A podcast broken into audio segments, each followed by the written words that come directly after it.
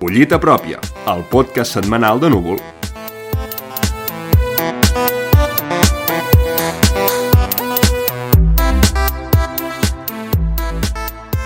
A tothom i benvinguts una setmana més a Collita Pròpia, el podcast setmanal de Núvol on repassarem aquells articles, reportatges i entrevistes destacats del digital de cultura. Dilluns va ser 8 de març, Dia Internacional de la Dona Treballadora. Que segueixi sent important celebrar aquesta jornada és senyal que encara queda molta feina per fer, que les dones encara patim moltes desigualtats estructurals perpetuades des de les institucions que no hi fan massa al respecte. Salaris més baixos, infrarrepresentació artística i cultural i milers de denúncies que es fan cada any per violència masclista, entre d'altres. Avui totes les peces que destacarem de la setmana de núvols seran més en clau feminista que mai, ja sigui perquè destacarem peces fetes per les dones redactores del digital de cultura, com perquè l'article en qüestió tracti sobre un tema relacionat amb la setmana del 8M.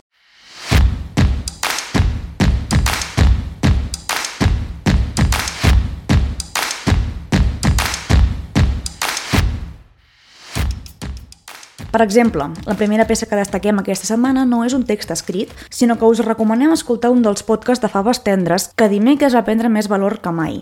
Es tracta de la conversa entre Bernat Puigtovella i Maria Barbal, guanyadora del Premi Josep Pla 2021 i que dimecres va ser nomenada guanyadora del 53è Premi d'Honor de les Lletres Catalanes.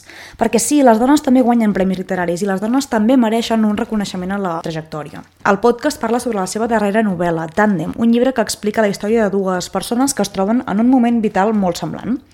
Ara escoltarem un petit fragment d'aquest podcast, però us recomanem que l'escolteu tot sencer per posar en valor la figura d'aquesta escriptora, de Maria Barbal. Uh, és, és una novel·la que m'ha vingut donada per, per l'observació immediata, està badant, mirant el carrer, mirant uh, uh, la gent, no?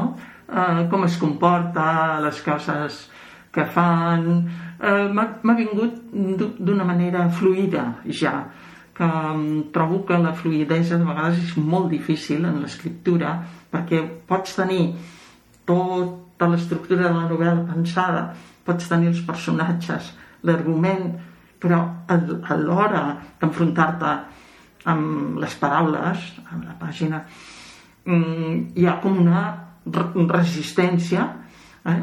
I, i costa molt avançar.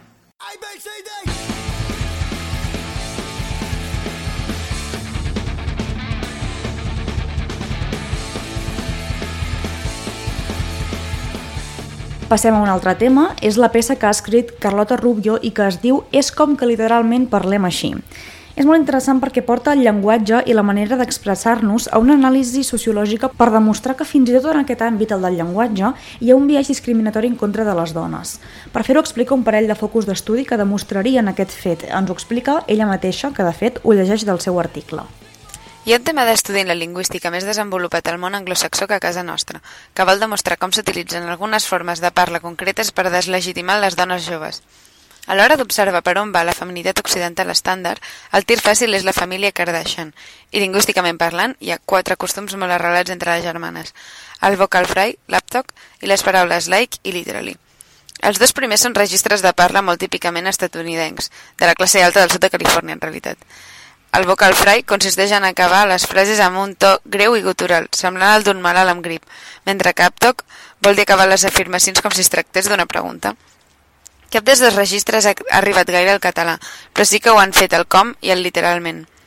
L'any 2015, el món anglosaxó va posar el focus sobre la manera de parlar de les Kardashian, com a estratègia per ridiculitzar-les a elles i, de pas, a qualsevol dona jove a qui se li escapés una crossa d'aquestes en públic. Des de llavors, el literalment i el com han passat a formar part del discurs de resistència contra la misogínia. A continuació fa una explicació amb més detall d'aquest com i d'aquest literalment de què ens parlava el tall de veu. Són paraules que han perdut el seu significat original per convertir-se en una crossa del llenguatge informal. Ella mateixa ho exemplifica a l'article amb una frase. Literalment, estic molt cansada. El títol de l'article també serveix com a un molt bon exemple. Per tant, si voleu saber més sobre aquest tema, llegiu És com que literalment parlem així, de Carlota Rubio.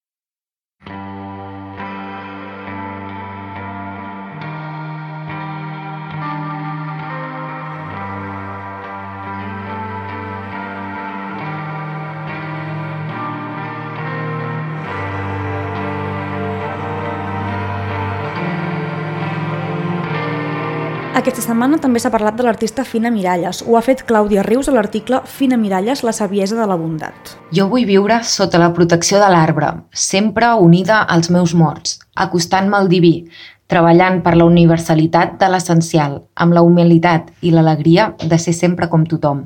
Fina Miralles. Clàudia Rius, a qui sentíem ara mateix llegint aquest poema de Miralles, comença l'article dient que aquesta artista ha estat força invisibilitzada, fora de focus, només pel simple fet que no ha volgut entrar en el mercat de l'art i les seves dinàmiques enverinades, com diu.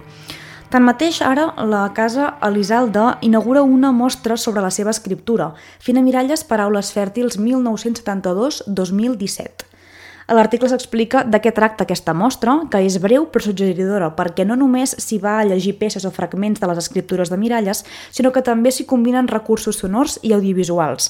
En una mateixa mostra, doncs, la podem llegir, la podem veure i la podem sentir. És una exposició que es podrà visitar fins al dia 31 de març i tota la informació la trobareu molt més extesa a l'article Fina Miralles, la saviesa de la bondat, de Clàudia Rius.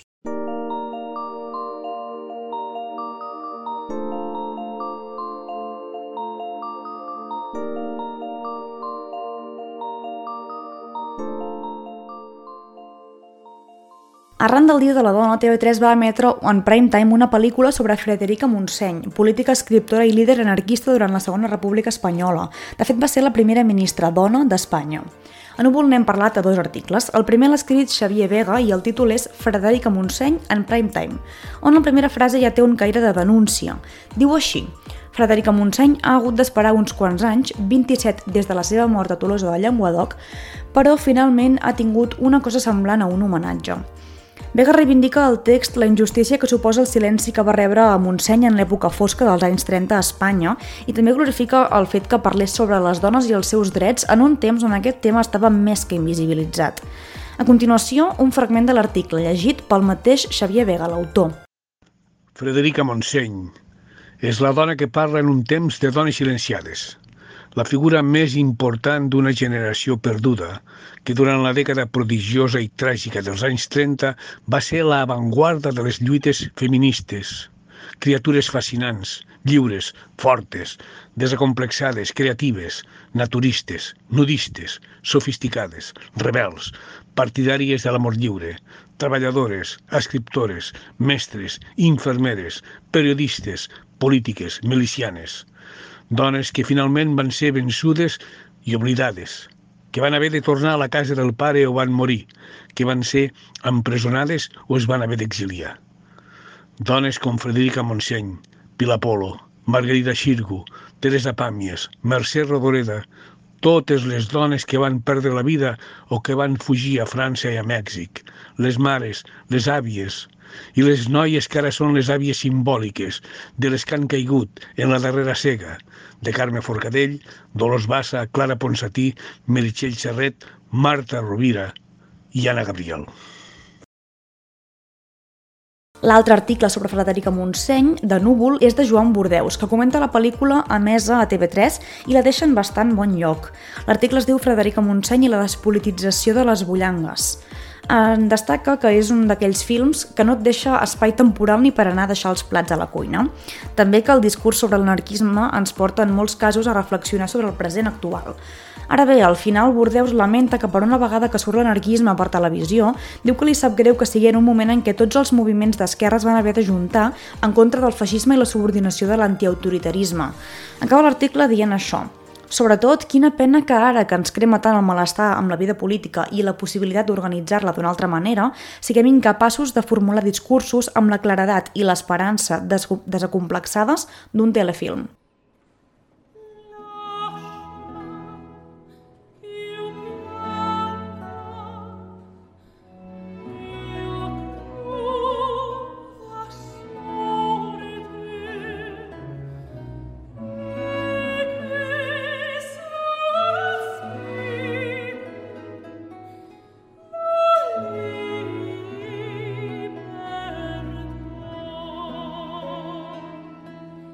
Aquesta que sentim és Núria Rial, la soprano manresana que aquesta setmana cantarà a l'Auditori de Barcelona amb l'Orquestra Simfònica de Barcelona i Nacional de Catalunya, un espectacle arranjat per Josep Soler i Robert Gerhardt. El concert presentarà les variacions sobre un tema de Chopin de Frederic Montpou amb orquestració de Josep Soler. I és que a Núvol també parlem de música clàssica. En aquest cas és Aina Vega qui ho recull a l'article Núria Rial posa veu a Gerhard amb l'OBC.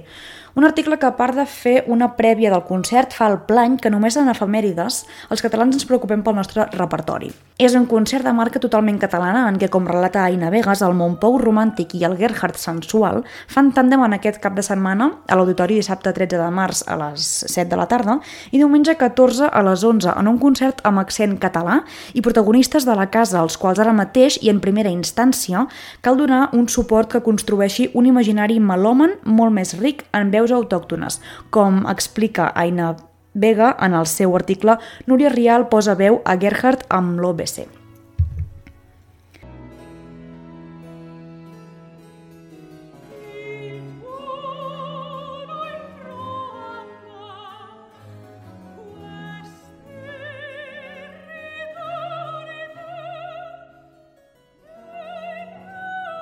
I fins aquí les peces destacades d'aquesta setmana de Núvol. Jo sóc Anna Hernández i ens trobem altra vegada divendres que ve.